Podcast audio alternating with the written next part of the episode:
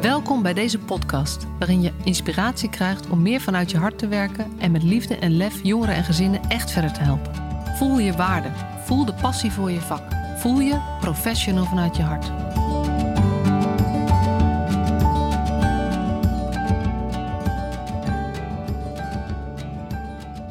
Hey hallo, wat leuk dat je weer luistert naar alweer aflevering 160 van de Professional vanuit je hart podcast.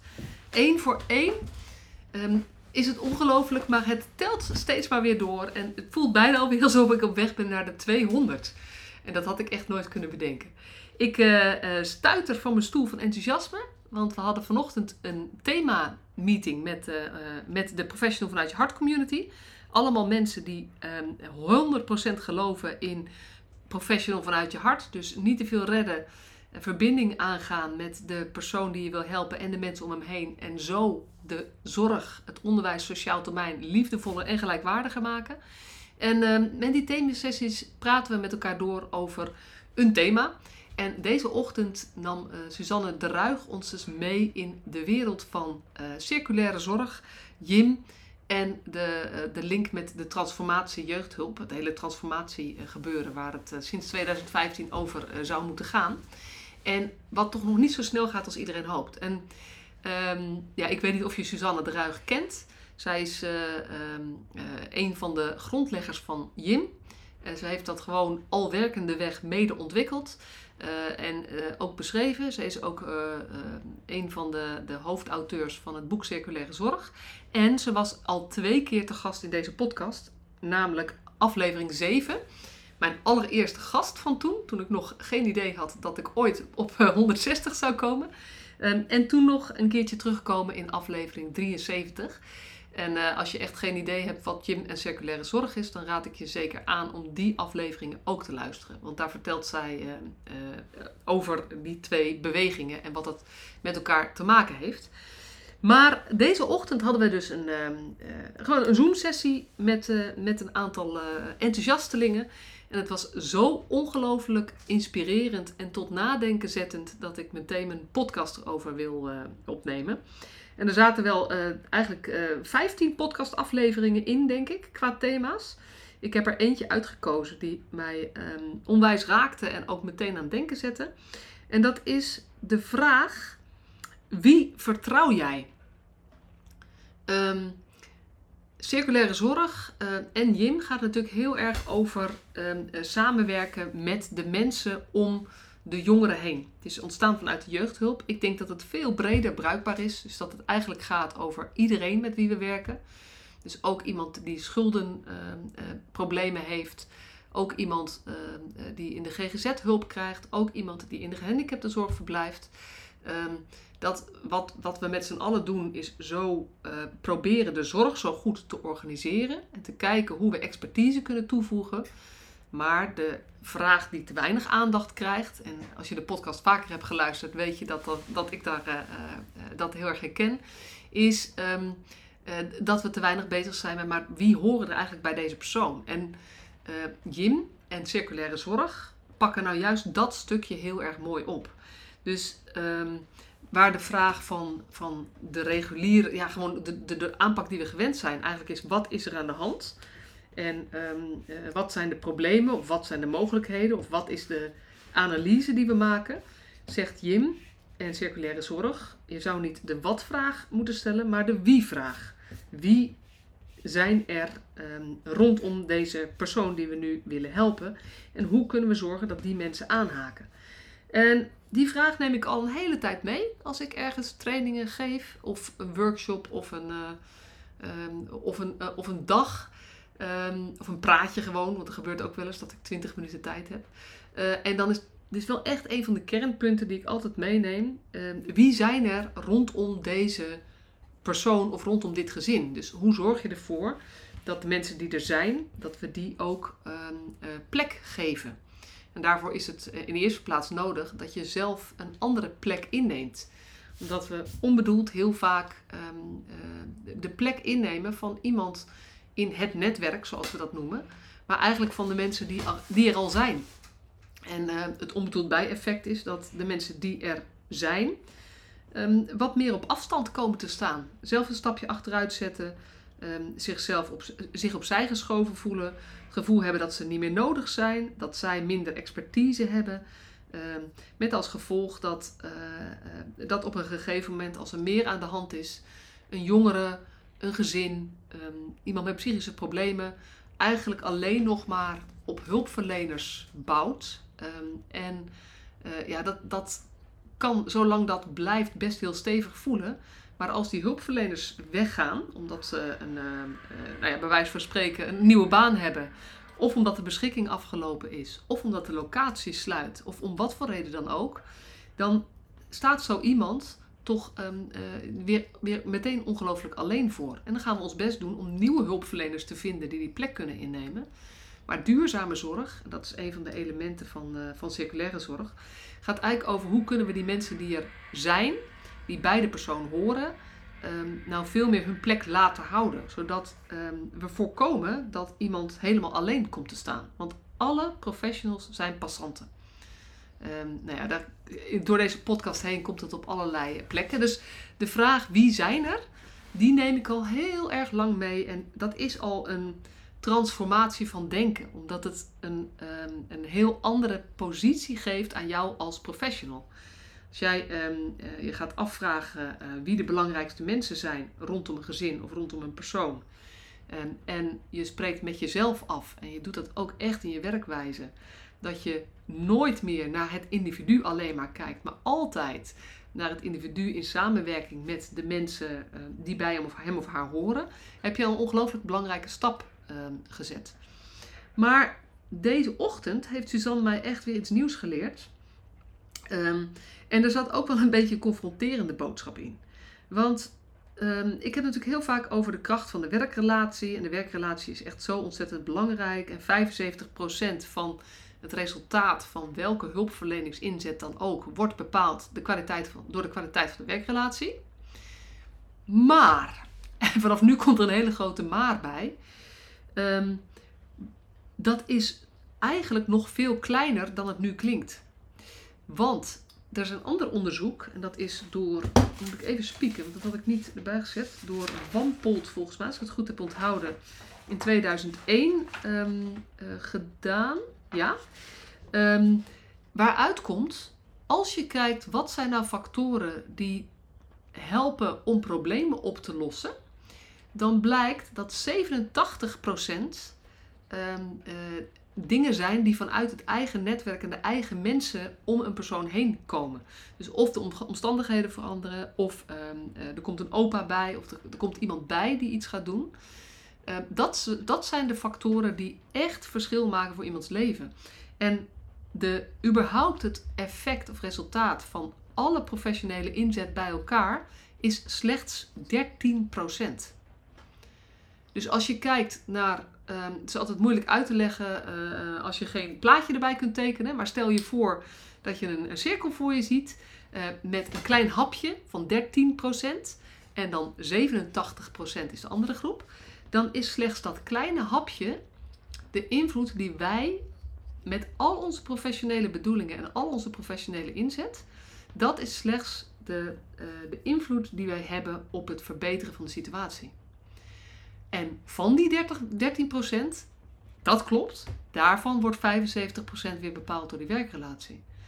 Maar als ik dus even heel eerlijk ben en kijk naar um, wat dit nu weer zegt over professionals, um, dan laat het mij zien dat we nog nederiger moeten zijn dan we al um, uh, dan we zeg maar in de eerste tranche al waren. Omdat uh, hoe goed je ook bent, hoe goed je die werkrelatie ook doet, dan nog heb je zeer beperkt invloed.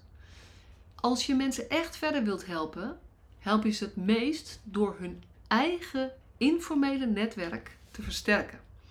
Te versterken, te betrekken, samen te werken, daar liggen de veranderende, veranderende factoren. En uit dat onderzoek kwam dus 87%. En ik kan met mijn hoofd er eigenlijk niet bij dat we dit wel weten, maar dat bijna alle um, ontwikkelgelden, bijna alle um, transformatiegelden en dat soort dingen ingezet worden om die 13%, 13 professionele inzet, um, dat te gaan verbeteren. ik, ja, ik ben een beetje flabbergasted, to be honest. Dat ik, dat ik echt denk, dit is toch... ehm, we mikken op de verkeerde dingen.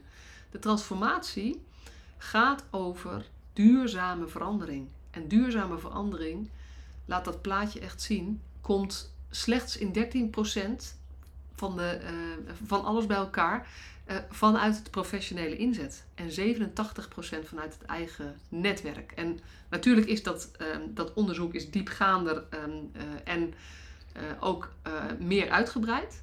Maar dit is wel de kern en dit is ook de harde conclusie die eruit komt.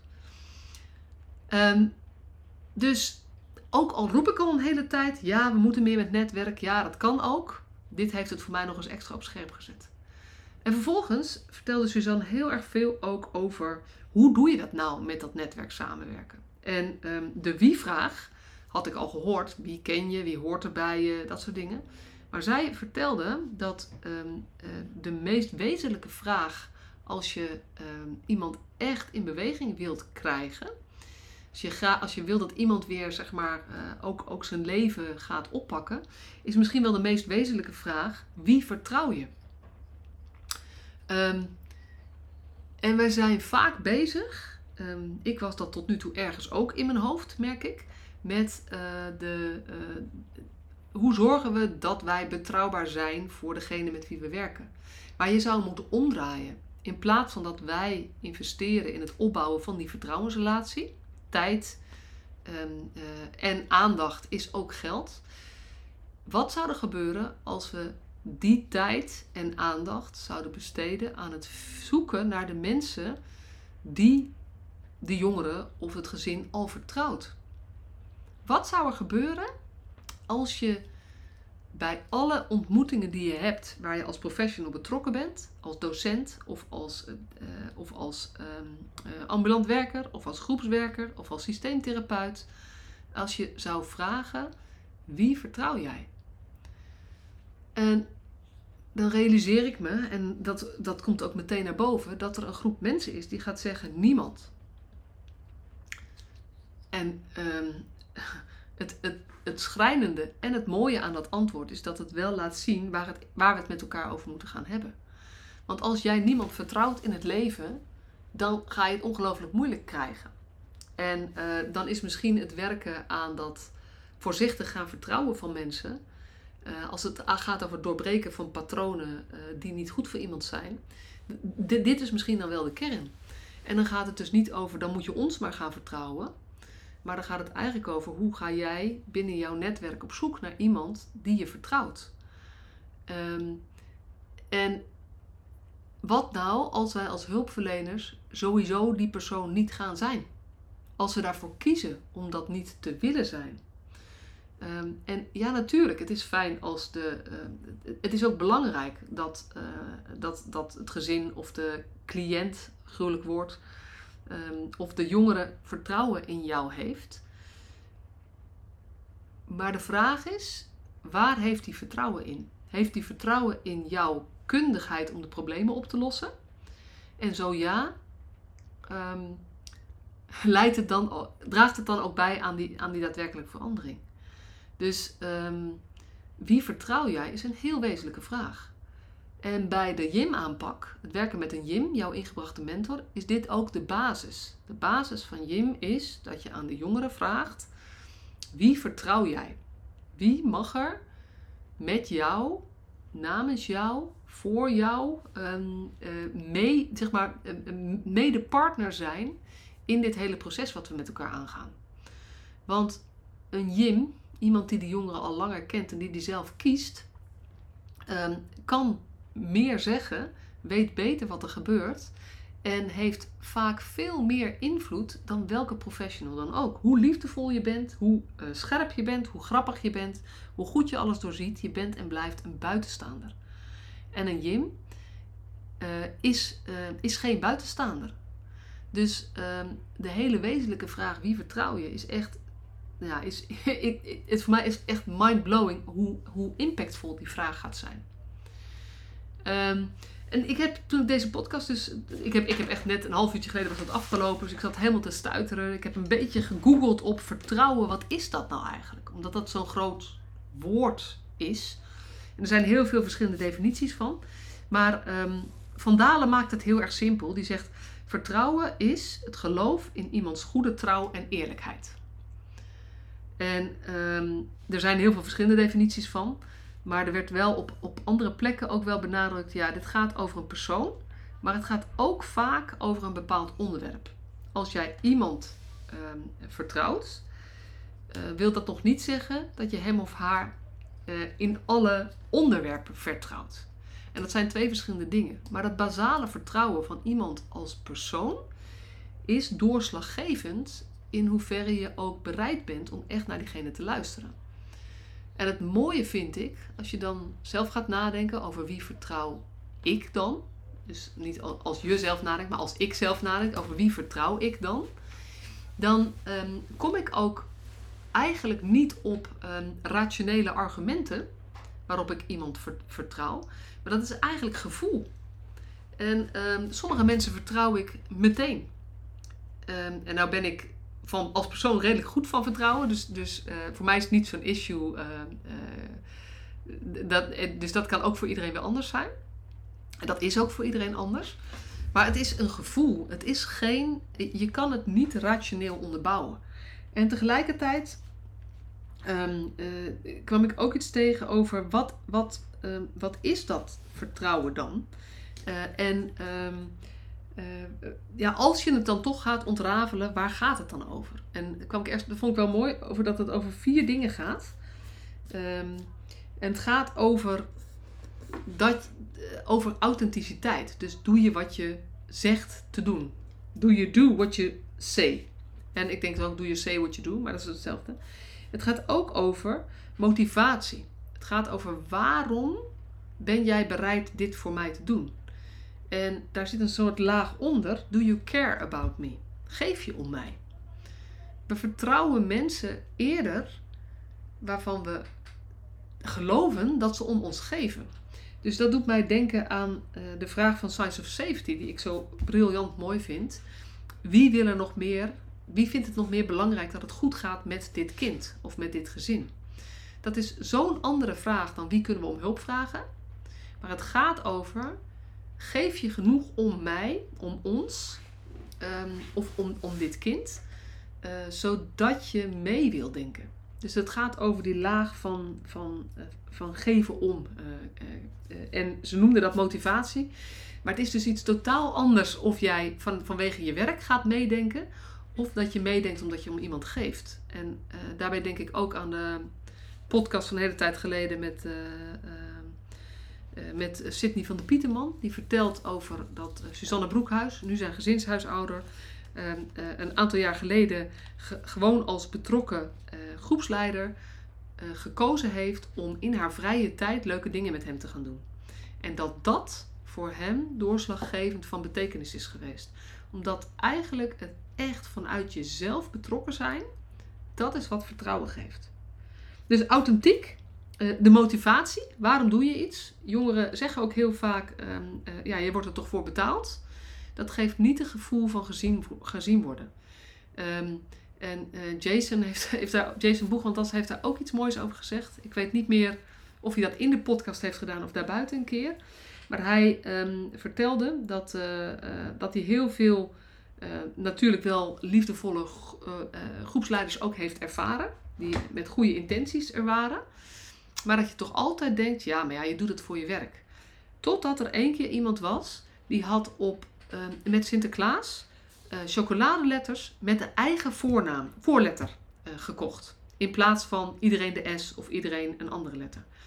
En hij zei ehm, dat het feit dat zij dus in de supermarkt um, nagedacht heeft over hem. Dus dat ze dacht, hé, hey, ik moet voor Jason een J hebben. Dat dat een gevoel gaf van um, er mogen zijn en mogen bestaan. Dus um, do you care about me is een belangrijk als het gaat over vertrouwen. Een andere pijler is nabijheid. Ken je mij? En ken je mij ook hoe ik echt ben? Dus ken je mij uh, in, in, in waar ik vandaan kom, in wat er gebeurd is met mij, wat ik belangrijk vind. Het gaat over veel meer dan weet je welke problemen ik heb. Het gaat echt over ken je mij. En ehm, een vierde element is resultaten. Ehm, als je kijkt naar iemands leven, of als je kijkt naar iemands, ehm, eh, ja, wat zijn resultaten, klopt het wat iemand zegt en vertrouw je ook dat iemand jou op dit gebied kunt, kan helpen. Weet je, als je, als je in de schulden zit, uh, en dan kan je een buurman hebben of een buurvrouw of een zus die, die je qua persoon helemaal vertrouwt. Maar als hij of zij ook al drie keer failliet is gegaan en ehm, in de WSMP, heeft WSMP zit of heeft gezeten, dan kun je diegene wat betreft dat onderwerp minder vertrouwen toe. Uh, en ehm, hetzelfde is dat als je, nou ja, als je relatieproblemen hebt, bij wijze van spreken, dan is het interessanter om met iemand te praten die daar ook eens mee gestruggeld heeft en doorheen is gekomen, dan iemand die voor de vierde keer gescheiden is. Als in ieder geval jouw intentie is om daar doorheen te komen. Dus ook hoe iemand zeg maar, ehm, zijn leven leeft, draagt bij aan dat vertrouwen wat je iemand kunt geven. Dus dat, is, dat, is, um, dat zijn elementen. Ik vond het wel een interessante uh, indeling. En het bevestigde voor mij weer dat vertrouwen geven aan hulpverleners lastig is. Want weet je, authenticiteit, dat kan nog wel. Voor zover het gaat over je werk. Want in hoeverre ziet een jongere of ziet een gezin jou echt in alles wat je doet? Wat weet iemand eigenlijk van jou? Um, die motivatie, do you care about me? Um, ja, soms, je geeft echt wel om de mensen met wie je werkt, uh, maar wel met een grens. En dat wil niet zeggen dat dat slecht is, maar het laat vooral zien dat dit beperkt is op het moment dat je als professional betrokken bent bij iemand. Want als het goed is, ben jij niet ook het hele weekend beschikbaar voor die persoon. En ben jij ook niet het hele weekend aan het nadenken over iedereen in je caseload. Want dat, dat gaat niet. Dat is je rol niet. Daar hoor je niet. Als het goed is in het weekend, tenzij je weekenddiensten draait, in het weekend ben je bezig met je eigen mensen. Um, maar als je het dus omdraait, gun ik iedereen mensen om zich heen die ook in het weekend met hen bezig zijn. Gewoon omdat ze van hen houden, bij hen horen, om hen geven. Woorden die je ook maar wil hebben. En hetzelfde geldt voor nabijheid. Ken je mij? Um, als professional kun je iemand nooit zo goed kennen als wanneer iemand deel uitmaakt van iemands eigen uh, leefwereld. Alleen al omdat je gewoon een andere achtergrond hebt. En als je kijkt naar Jim bijvoorbeeld, en je kijkt welke mensen, uh, welke uh, mensen worden nou als Jim gekozen, dan kiezen jongeren mensen uit die vrijwel altijd ook hun ouders kennen, of hun thuissituatie kennen, of hun achtergrond kennen. Omdat het zoveel scheelt als je dat niet hoeft uit te leggen. Ik weet niet of je dat herkent, maar als ik zelf kijk naar mijn vrienden, dan zijn de vriendinnen die ik al heel lang ken. Dus die al met mij meegaan uh, vanaf mijn tienertijd of het begin van mijn studententijd. En ja, dan komen ik ben inmiddels 48, dus dat is lang. Um, dat zij niet altijd meer weten precies wat ik in mijn dagelijks leven precies meemaak. Maar dat ze op een bepaalde manier mij wel dieper kennen dan de mensen die ik nu leer kennen. Omdat um, nou ja, ze bijvoorbeeld uh, iets over, zeg maar, niet alleen over mijn thuissituatie weten, maar ook mijn ouders nog kenden. Um, dus dus wie, wie kent mij is echt van, van belang. Dus um, ik denk dat dat echt. Uh, uh, dat, ik, ik dacht al, we moeten als professional nederig zijn. Maar ik denk alleen maar meer. Oh, alsjeblieft, alsjeblieft, laten we onze professionele inzet, een professionele betrokkenheid vooral gebruiken om die lijntjes te versterken die er zijn tussen de jongeren, Um, uh, en het systeem eromheen, het gezin en de mensen om hen heen. De uh, bewoner die je hebt eventueel in de gehandicaptenzorg en de mensen die ook blijven. Want dat is duurzame hulp. En um, nog een laatste puntje wat ik uh, zag in mijn mini-onderzoekje rond vertrouwen. ga ik ook nog eens op doorkouwen. Maar was, dat was dat um, vertrouwen lijkt over de ander te gaan, maar het gaat eigenlijk over jezelf. Want Iemand kan nog zo betrouwbaar zijn, in de zin van dat iemand doet uh, uh, wat hij zegt en zegt wat hij doet, dat hij zijn afspraken nakomt. Of jij iemand vertrouwt, dat is iets wat via jou gaat. Dus ehm, wij kunnen nooit, je kunt nooit voor iemand anders bepalen wie hij of zij vertrouwt. En vertrouwen is ook niet af te dwingen. Maar vertrouwen is een gevoel. En dan ga ik weer even terug naar die eerste, uh, eerste definitie. Vertrouwen heeft iets te maken met geloof, met overtuiging, met, uh, met iets wat niet in hokjes in te delen is. En uh, ja, ik gun eigenlijk ons allemaal, ehm, en zeker de mensen die we helpen, maar ook ons als professionals, om veel meer te gaan nadenken en veel meer te gaan handelen vanuit uh, ook het weten van dat vertrouwen. Want vertrouwen is ook een belangrijke basis om, um, om te kunnen en te mogen leren. En daar had Suzanne ook een heel erg mooie term voor, maar die kan ik nu even niet zo snel vinden. Ja, Hebbes. Suzanne had het over het epistemisch vertrouwen. En dat gaat over het vertrouwen van wie jij wil leren.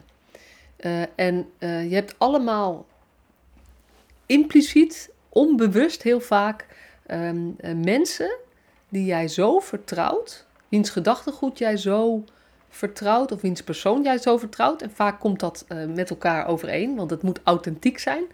Um, dat je ook bereid bent om diegene te volgen. Dat als die persoon iets zegt, dan geloof ik het.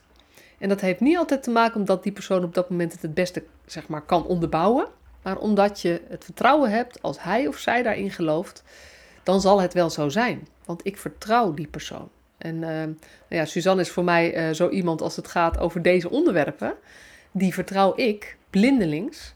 Uh, omdat ik ook weet dat zij qua persoon heel, um, heel zuiver wil zijn in het delen van de juiste informatie.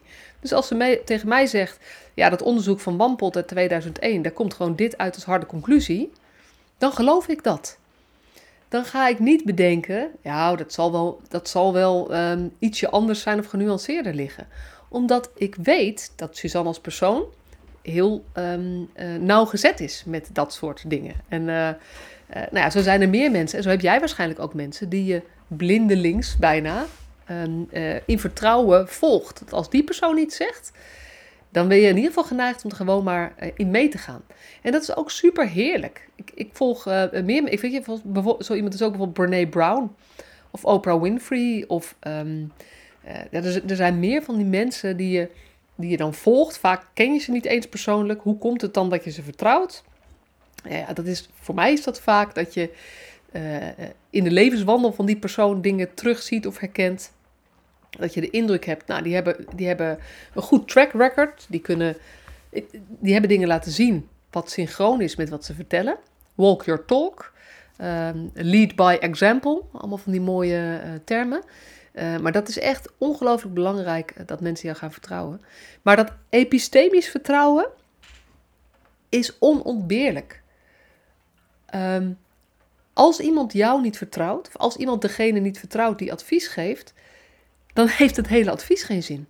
Dus de enorm grote kracht van aan mensen vragen wie vertrouw je om met jou mee te denken over je toekomst. En het antwoord zo serieus te nemen dat je vervolgens die persoon structureel aan tafel zet bij alles waarbij het gaat over de toekomst van en de keuzes die gemaakt moeten worden, maken we de kans enorm veel groter dat ook daadwerkelijk um, er dingen in beweging komen. En uh, waar we nog heel erg in moeten leren is hoe doen wij dat als professional? Want we moeten iets loslaten van ons, uh, ons eigen um, uh, misschien status, maar ook hoe we gewend zijn wat we moeten, wat we moeten doen.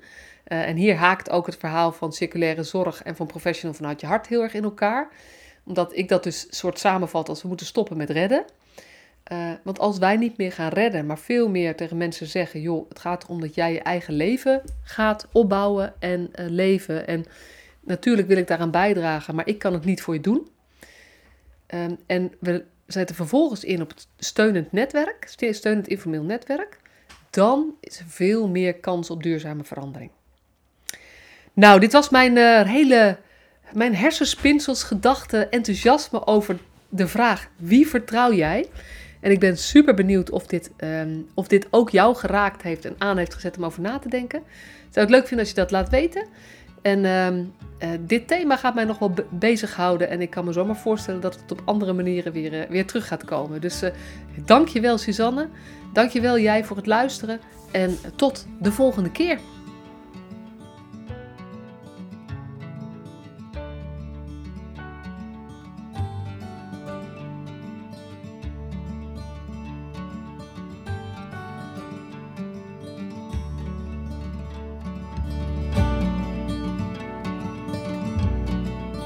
Superleuk dat je weer luisterde naar deze podcast. Dankjewel. Nog even kort een paar belangrijke dingen.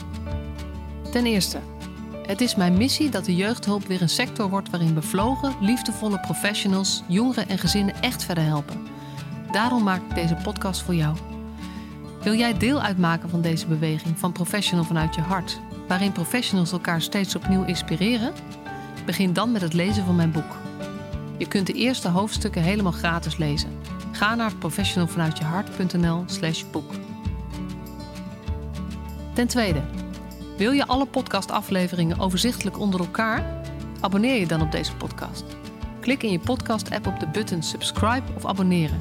En elke keer als er een nieuwe podcastaflevering gepubliceerd wordt, ontvang je automatisch een berichtje. Ten derde, ondersteun je mijn missie? Geef me dan een review via je podcast-app, bijvoorbeeld iTunes of Spotify.